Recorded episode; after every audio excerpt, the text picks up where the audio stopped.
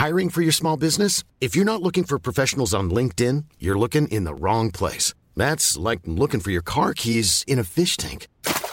LinkedIn helps you hire professionals you can't find anywhere else, even those who aren't actively searching for a new job but might be open to the perfect role. In a given month, over 70% of LinkedIn users don't even visit other leading job sites. So start looking in the right place. With LinkedIn, you can hire professionals like a professional. Post your free job on linkedin.com slash people today.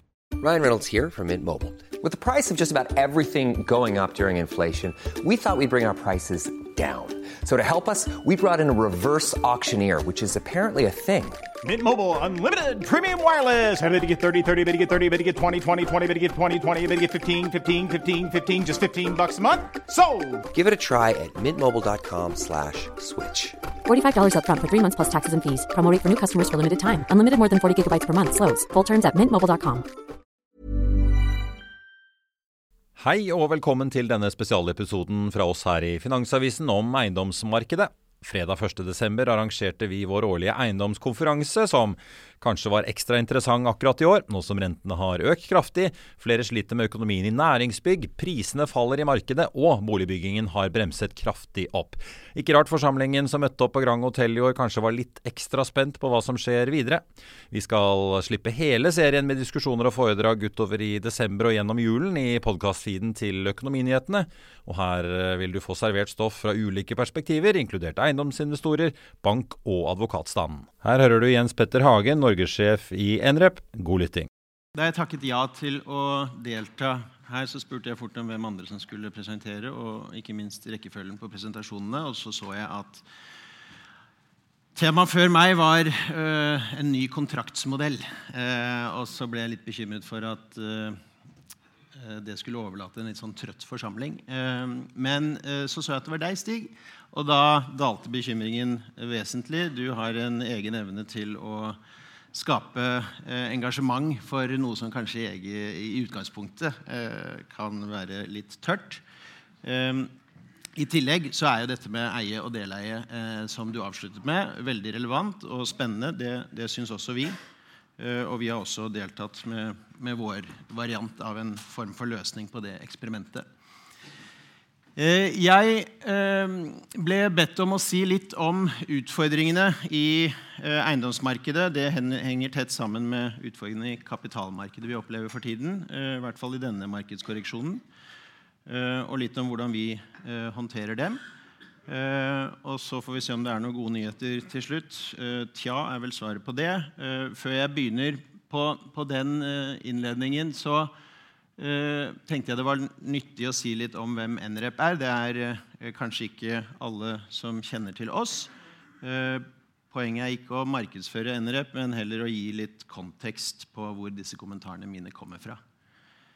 vi er en nordisk eiendomsinvestor som ble født i 2005. I dag er vi 350 ansatte, hvorav 21 sitter her i Oslo. Eh, vi forvalter en ganske stor portefølje på eh, over 220 milliarder kroner. Eh, hvorav ikke mer enn 12 faktisk er her i Norge. Og vi reiser kapital i form av fond. Og det siste fondet som det ble nevnt innledningsvis, ble annonsert i år og er på over 40 milliarder kroner i egenkapital. All den kapitalen skal ikke inn i Norge nødvendigvis. Eh, vi er aktive i hele Norden eh, og har også tatt steg inn i både Polen og Tyskland. Det er fryktelig mye penger. Hvor kommer alle disse pengene fra? Som sagt, eh, De reises i, i fond, og vi henvender oss til det globale institusjonelle markedet når vi reiser disse fondene. Det er gigantiske finansielle og veldig profesjonelle institusjoner fra alle verdens hjørner. Først og fremst såkalte sovereign wealth funds, altså, eller statsfond à la oljefondet. Oljefondet er ikke en investor hos oss, bare for å ha sagt det, men det er den type fond som faller i den kategorien. Eh, og så er det eh, pensjonsfond. Disse statlige fondene har jo også pensjonsforpliktelser. så Paradokset eh, rundt all skepsis, og ikke minst politisk skepsis til sånne aktører som oss, er at vi faktisk representerer pensjonister. Eh, når det gjelder hva vi eh, investerer i, eller hva vi har investert i i Enret de siste fem årene, fra et egenkapitalperspektiv, eh, så er det som sagt på kryss og tvers av hele Norden. Sverige er det største markedet vårt. Det er også det største landet og det største eiendomstransaksjonsmarkedet, så det er ikke spesielt overraskende. Norge er lillebror i, i, i klassen vår, ikke fordi vi har noe mindre tro på Norge som marked, men fordi vi rett og slett etablerte den norske virksomheten ti år etter alle de andre kontorene. Fra et segmentperspektiv så er vi ganske tungt orientert mot bolig, logistikk og pleie. og Da er det først og fremst pleie for eldre. Eh, fellesnevneren for disse strategiene er at vi har en overbevisning om at det i, lang, i det lange løp vil være en vedvarende høy etterspørsel etter disse produktene. Eh, den har vi troen på, også gjennom markedskorreksjoner som vi går igjennom nå, eh, og fokuserer derfor majoriteten av vår kapital og innsats på, på de segmentene. Så litt over til hva som har skjedd i markedet. Olav, du var inne på det eh, før i dag, så jeg skal ikke bruke spesielt mye tid på det. Alle har fått med seg at inflasjonen har skutt i taket til et nivå som min generasjon i hvert fall ikke har sett før. Det var og er til en viss grad fortsatt dramatisk. Sentralbankene har erklært krig mot inflasjon, og de har et våpen, og det er renter. Og der er de alle ganske unisone. Eh, i sin oppriktighet om å, eh, å, få den ned ved hjelp av renter. Og, det er tegn eh, som tyder på at det er i ferd med å, å, skje. Og hva skjer i eiendomsmarkedet da? Eiendomsmarkedet er tett linket til renter. Så når renter går opp, så går gildene opp, og det betyr at verdiene går ned. Det skjer på kryss og tvers av alle segmenter i alle land. Det er vel heller ingen overraskelse for de fleste, og, det skaper jo litt dramatikk. Eh, og spesielt når det skjer over så kort tid som det har gjort nå, eh, og hvor differansen fra bunn til dagens nivå, som antageligvis ikke er toppen, er eh, såpass vesentlig. Og den dramatikken den utspiller seg vel kanskje mest på børs i Sverige det er også en veldokumentert sak og heller ingen nyhet eh, at eh, der har det vært ekstrem dramatikk. Nedgangen i disse eh, aksjekursene i Sverige er ikke et én-til-én-bilde av den underliggende eiendomsverdireduksjonen. Det var også Olav inne på da han snakket om obligasjonsmarkedet i dag den bærer preg av at investorene begynner å tvile på om eh, noen av disse, eh, kanskje mange av dem, vil faktisk vil klare seg igjennom. Og det har med eh, refinansieringsutfordringer og et obligasjonsmarked som skal refinansieres ganske kraftig de siste årene, som Olav også illustrerte. Så når verdier går ned i eiendom, eh, det første som skjer da, er jo at likviditeten i markedet uh, går ned. Altså transaksjonsvolumet går ned uh, fordi ting blir mindre verdt.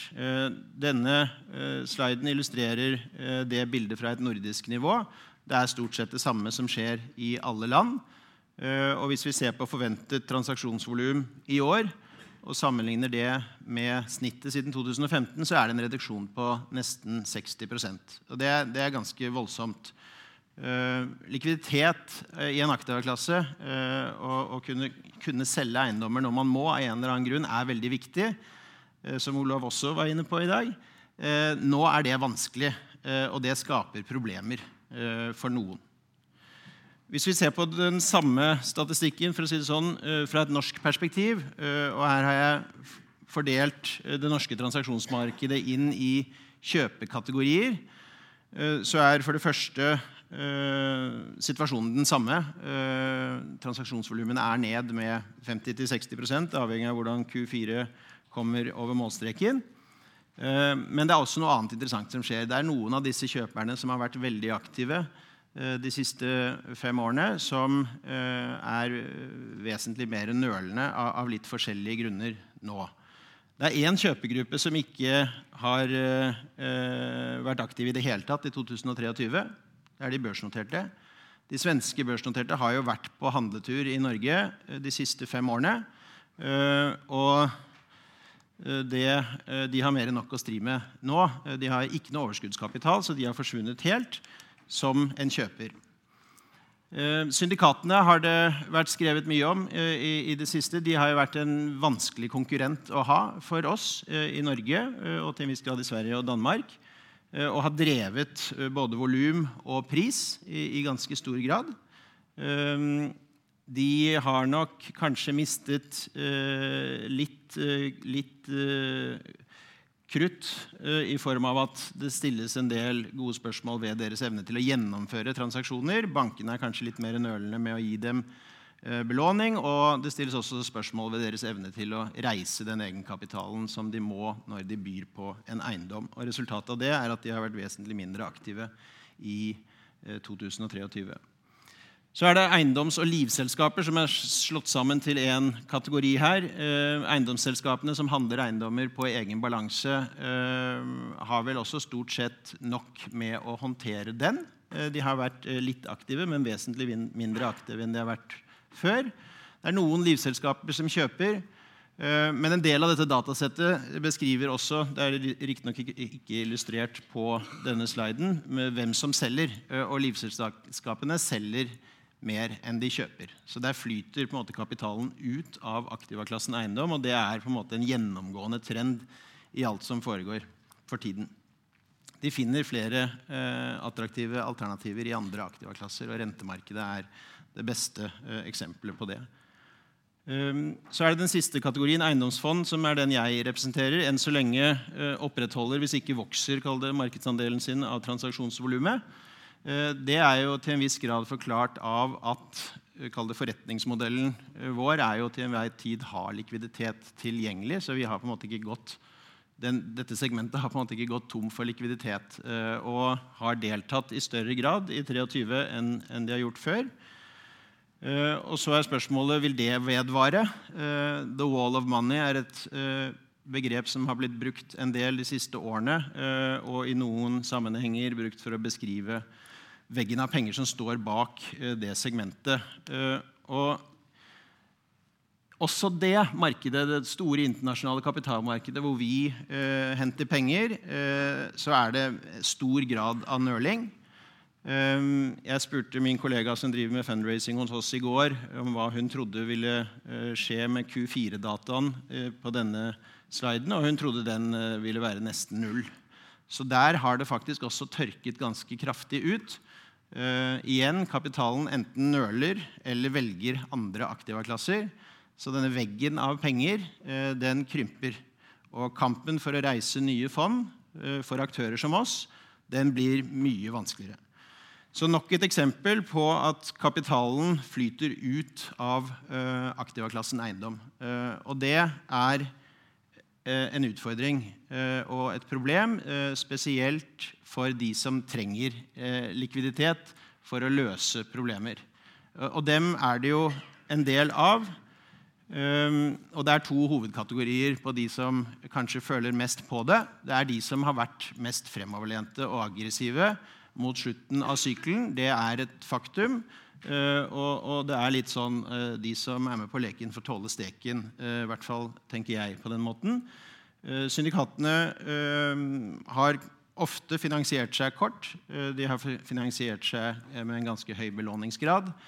Eh, og når disse finansieringene må løses, så trenger de enten mer egenkapital, eller så må de selge. Og det er jo fellesnevneren i mange av disse overskriftene jeg har tatt med her. Og, og de svenske børsnoterte er det også skrevet mye om. Der handler det mer om å opprettholde Eh, kredittratinger eh, som har med eh, kost på deres gjeld å gjøre. Når de skal refinansiere, blir de nedgradert langt nok, så er kostnadene på, på den refinansieringen så høy at da, da, går de i vifta. Og Det er derfor vi har sett en del eksempler på børsnoterte selskaper, spesielt i Sverige, som har solgt gode eiendommer og porteføljer til verdier uh, de aldri ville tenkt på for 18 måneder siden. Ehm, jeg har tatt med et konkret eksempel, eh, ikke for å henge ut eh, noen, eh, men egentlig for å illustrere hva det er som skjer. Og det gjelder Telegrafenbygget, for der har reisen nå blitt fullført med et for syndikatinvestorene litt dramatisk utfall. For å begynne med produktet Telegrafen. Det er et fantastisk bygg som ble pusset opp etter alle kunstens regler og leid ut til gode leietakere Eh, på gode eh, kontrakter, i hvert fall da. Um, og så ble det kjøpt av et syndikat. Det var ikke noe value add igjen i det bygget. Den verdien uh, som ble beskrevet da, lå jo i at det kanskje, hadde, at det kanskje var noe underleie uh, på det bygget som man kunne krystallisere når kontraktene løp ut. Så det er ikke noe du kan gjøre aktivt som gårdeier for å få den verdien inn før kontraktene løper ut. Så veldig få grep du kan gjøre som en aktiv eier for å skape verdi. Um, de finansierte seg høyt. 70 eh, finansiering. Det er en høy, høy giring, eh, i hvert fall etter vårt syn. Eh, og med en ganske kort finansiering. Det tror jeg nok er det de angrer mest på, er lengden på den finansieringen. De burde ha tenkt at den burde kanskje speilet utløpet på disse kontraktene i litt større grad, slik at de kunne fått høstet den gevinsten inn før de måtte forholde seg til en refinansiering. Men det er lett å være etterpåklok. Den feilen er det mange som har gjort, også, også, vi, og sikkert mange her i salen også. Så der, der er det ikke så alene. Um, så denne finansieringen, som uh, fortsatt står der, om den ikke har blitt finansiert ut de siste par ukene, løp jo ut i desember. Det var veggen de måtte forholde seg til i det syndikatet, og forsøkte etter beste evne å finne løsninger på det ved å reise penger fra eksisterende investorer, nye investorer. De snakket sikkert med obligasjonsutstederen også. Eh, dessverre fant de ikke noe annen løsning enn å selge aksjene eh, til slutt til Enpro eh, for 100 millioner kroner. Og Det er en egenkapitalreduksjon som er vesentlig, og den er nok enda større enn de 85 jeg regner meg frem til her, pga. diverse honorarer som flyter ut av dette systemet når, når disse grepene må bli gjort. Jeg vil for ordens skyld også nevne at alle tallene eh, jeg bruker her, kommer fra eh, det offentlige rom og fra artikler eh, som det har blitt skrevet om. Så det er, det er åpen tilgjengelig informasjon. Så de har lært en lekse, kanskje. Og denne verdien som ligger i dette bygget, som er fantastisk, med en god lokasjon og oppsiden på disse leiekontraktene, har dessverre nå blitt overført til den nye eier, som helt sikkert har et langsiktig perspektiv. og og selv om det fins delte meninger om den eh, verdien der kan forsvares med dagens eh, parametere, så tenker jeg at den nye eieren Empro har nok et så langsiktig perspektiv at det er en handel de kommer til å være fornøyd med om ikke så lenge. There's never been a faster or easier way to start your weight loss journey than with PlushCare. PlushCare accepts most insurance plans and gives you online access to board-certified physicians who can prescribe FDA-approved weight loss medications like Wigovi and Zepbound for those who qualify. Take charge of your health and speak with a board-certified physician about a weight loss plan that's right for you. Get started today at plushcare.com slash weight loss. That's plushcare.com slash weight loss. plushcare.com slash weight loss. I'll see you in court. Vi sier det ofte litt på spøk, men for deg som driver business, er det aldri moro å innse at du ikke har laget en 100% gyldig kontrakt. Du bør ikke risikere hele firmaet ditt fordi du synes dette med kontrakter er litt stress. En avtale er ikke en avtale. Du kan miste kunder, miste venner, ja, til og med miste inntekter om du ikke lager en skikkelig kontrakt, på alt mulig, egentlig. Men vi vet det er et styr, kopimaskiner, tregprinter og haugevis av papir. Dessuten stoler vi jo på folk her i landet. Det er ofte litt kleint å skulle be om en signatur for alt mulig, ja, for mye av styret handler også om jakten på underskriften. Det finnes en enkel måte å løse dette på, Dukkobit, en trygg, effektiv og gettis, gratis måte å sikre seg en god natts søvn pluss en juridisk bindende avtale. Dukkobit-appen har de strengeste sikkerhetskrav i bunn, samt en EU-godkjent og sertifisert teknologi. Framover vil det bli behagelig å spørre du, skal vi skrive under på det, eller?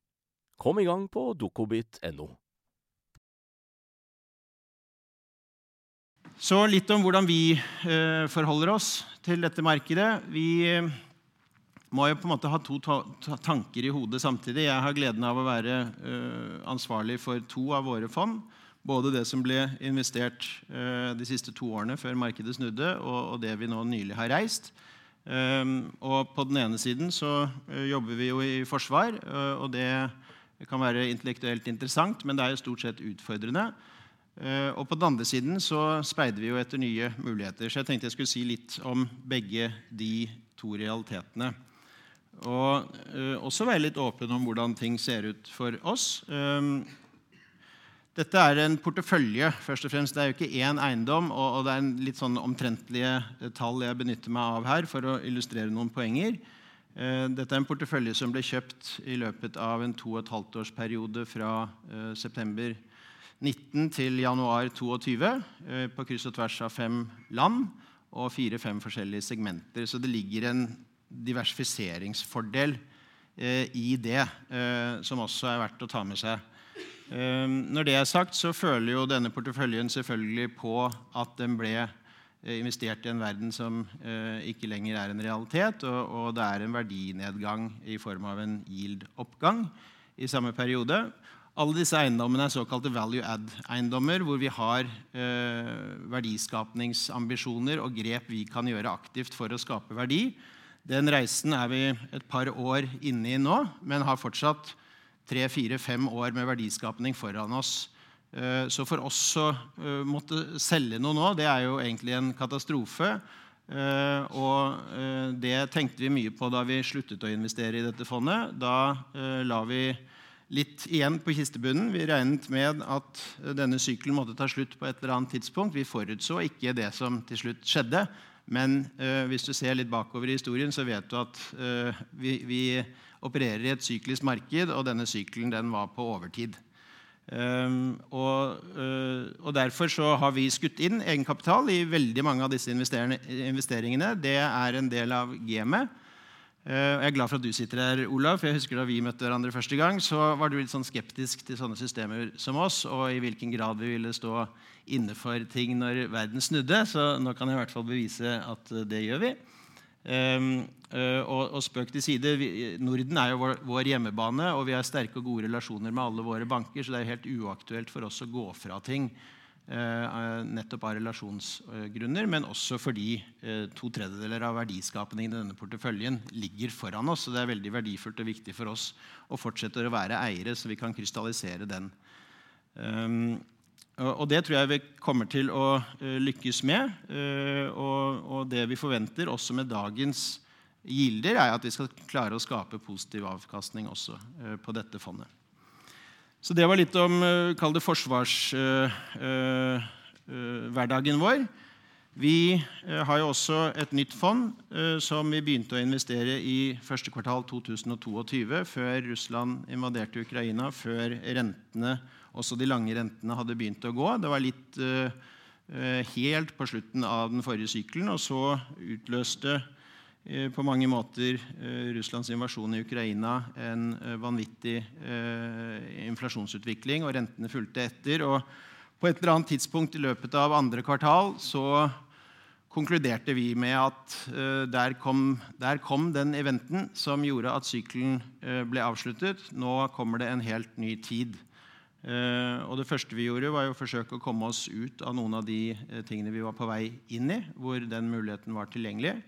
Uh, og så prøvde vi å dra i håndbrekket egentlig så hardt vi kunne. Vi klarte det ikke helt, så det var litt investeringsaktivitet gjennom den perioden hvor renten utviklet seg mest. Men vi sendte ganske mye sterke signaler til vår investeringsorganisasjon om at de ikke, det var ikke noe vits i å komme til oss i investeringskomiteen med investeringsmuligheter med mindre de overlevde noen ganske vanvittige stresstester. Og da drepte vi 80-90% av pipelinen. Um, og så uh, oppmuntret vi dem jo også til å være aktive i markedet. altså Når du er en, en, en, kjøper og investor i eiendom, så er det vår plikt til en viss grad å sende signaler til markedet om hva vi mener ting er verdt. Og så får vi eh, tvilsomme tilbakemeldinger når verdiene eh, faller så dramatisk som de har gjort. Eh, men vi skal i hvert fall være der ute og fortelle hva vi er villige til å kjøpe på. Og så Ved en tilfeldighet så skjedde det veldig mye nå rett før sommeren. Som dere ser, så er mye av det svensk. Og Årsaken til det er rett og slett at der var det så mye stress at de hadde ikke noe annet valg enn å rett og slett komme oss i møte. Så da ble det gjort ganske mye. Så For å prøve å oppsummere litt før jeg skal reflektere over om det fins noen gode nyheter. Verdier faller, og kapitalen flyter ut av markedet. Det er lav likviditet, det er lave transaksjonsvolumer. Det er en utfordring for mange. Det er en tid hvor egentlig, eh, bransjen trenger likviditet for å løse problemer, men likviditeten eh, forsvinner. Det er utfordrende. Eh, og veldig mange av de kjøperne som har vært aktive, eh, har falt helt bort eller har redusert sin aktivitet vesentlig. Og uh, vi jobber jo alle i dette rommet som eier eiendom, uh, med defensive tiltak for de investeringene vi gjorde på slutten av den sykelen. Det må vi være ærlige og innrømme. Men for de som har kapital, så er det spennende muligheter. Uh, men du må jo være litt modig. Det er jo ingenting som er forutsigbart eller sikkert for tiden. Tvert imot så føles det jo ikke så lett å ta investeringsbeslutninger, så man må ha litt mot og tørre å gjøre det. Er det for tidlig? Eh, denne inflasjonen som er på vei ned, kommer den opp igjen? Eh, det har aldri vært vanskeligere å ha overbevisning om fremtiden enn det er akkurat nå. Så skal jeg prøve å være litt kjapp på slutten. Er det noen gode nyheter? Eh, jeg vet ikke om det er noen god nyhet, men som Olav også var inne på Sentralbankene og finansmarkedene er jo helt egentlig elendige på å spå fremtiden. Så akkurat nå som rentene er høy, så får vi håpe at eh, eller de lange rentene er høye, som vi i denne bransjen forholder oss veldig mye til. Så får vi håpe at de tar feil nå igjen. Jeg vil ikke bygge ned noen investeringsstrategi rundt det. Eh, litt mer datadrevet eh, så har vi tittet litt på historien og sett hvordan renter reagerer etter veldig korte perioder med veldig mye renteoppgang. Og da er det ganske, ganske unisont at de må justeres litt ned. Eh, la meg være veldig tydelig. Jeg tror ikke vi skal tilbake til noe rentenivå vi har sett de siste fem årene. Det er ikke det jeg sier. Det eneste jeg sier, er at når rentene først begynner å bite, så biter de alltid litt hardere enn alle disse såkalte ekspertene eh, forventer. Og da må det korrigeres. Så får vi se om det slår til denne gangen. Gjennomsnittssiden fra rentetopp til første rente Eh, reduksjon i dette datasettet er fem måneder. Vi har tittet på Norge, og der er det også faktisk fem måneder. Om det er tilfeldig eller ikke, det vil eh, si, tiden vise. Eh, det er jo noen eh, positive indikasjoner på, eh, fra inflasjonssiden tiden, for tiden. I går kom eh, både den europeiske og den amerikanske renten, inflasjonen ut og overrasket positivt. Eh, og da reagerer jo rentemarkedet umiddelbart. Eh, og, og, og, lange renter har jo faktisk kommet ned eh, til en viss grad. Om det er midlertidig eller ikke, det vil også tiden vise. Og, og aksjemarkedet reagerer selvfølgelig umiddelbart på det også. Det har de gjort før de siste tre, fire, fem, tolv månedene uten at det har vært noe tegn på at vi har runda et hjørne. Så vi skal ikke ta den seieren på forskudd. Helt avslutningsvis eh, så tenker jeg at vi skal se litt bort fra eh, makroøkonomi eh, og kapitalmarkedstekniske ting, for det er tross alt murstein og tomt vi driver med. Og der mener jeg jo at det er noen gode nyheter. Og den viktigste er at urbanisering er jo nesten blitt en sånn tyngdelov, og befolkningsvekst i urbane områder, også ikke minst hovedstedene og byene, den bare tiltar, og, den vil fortsette. Og det er jo grunnlaget for all eiendomsetterspørsel. Eh, og grunnen til at eh, jeg har planer om å fortsette å jobbe i denne bransjen i 10-15 år til, og har sterk tro på at det vil både være spennende og utbytterikt for, for våre investorer, selv om det blåser litt på toppene akkurat nå. Takk for meg. Og da var vi ved veis ende i denne episoden. Flere podkaster fra Eiendomsserien og andre sendinger det finner du på fa.no-tv, eller ved å søke opp Økonominyhetene i Spotify, Apple Podkast eller der du hører på podkast. Mitt navn er Marius Lorentzen. Tusen takk for at du hørte på. Og så ønsker alle vi her i Finansavisen og Hegna Media deg en riktig god jul og et godt nytt år. Selling a little or a lot? Shopify helps you do your thing however you cha-ching. Shopify is the global commerce platform that helps you sell at every stage of your business. From the launch your online shop stage to the first real life store stage, all the way to the did we just hit a million orders stage. Shopify is there to help you grow. Shopify helps you turn browsers into buyers with the internet's best converting checkout. 36% better on average compared to other leading commerce platforms because businesses that grow grow with Shopify. Get a $1 per month trial period at Shopify.com slash work. Shopify.com slash work. Planning for your next trip? Elevate your travel style with Quince. Quince has all the jet setting essentials you'll want for your next getaway, like European linen, premium luggage options, buttery soft Italian leather bags, and so much more. And it's all priced at 50 to 80% less than similar brands. Plus, Quince only works with factories that use safe and ethical manufacturing practices. Pack your bags with high-quality essentials you'll be wearing for vacations to come with Quince. Go to quince.com slash trip for free shipping and 365-day returns. Økonominyhetene er en podkast fra Finansavisen. Programledere er Marius Lorentzen, Stein Ove Haugen og Benedikte Storm Bamvik. Produsenter er Lars Brenden Skram og Bashar Johar. Og ansvarlig redaktør er Trygve Hegnar.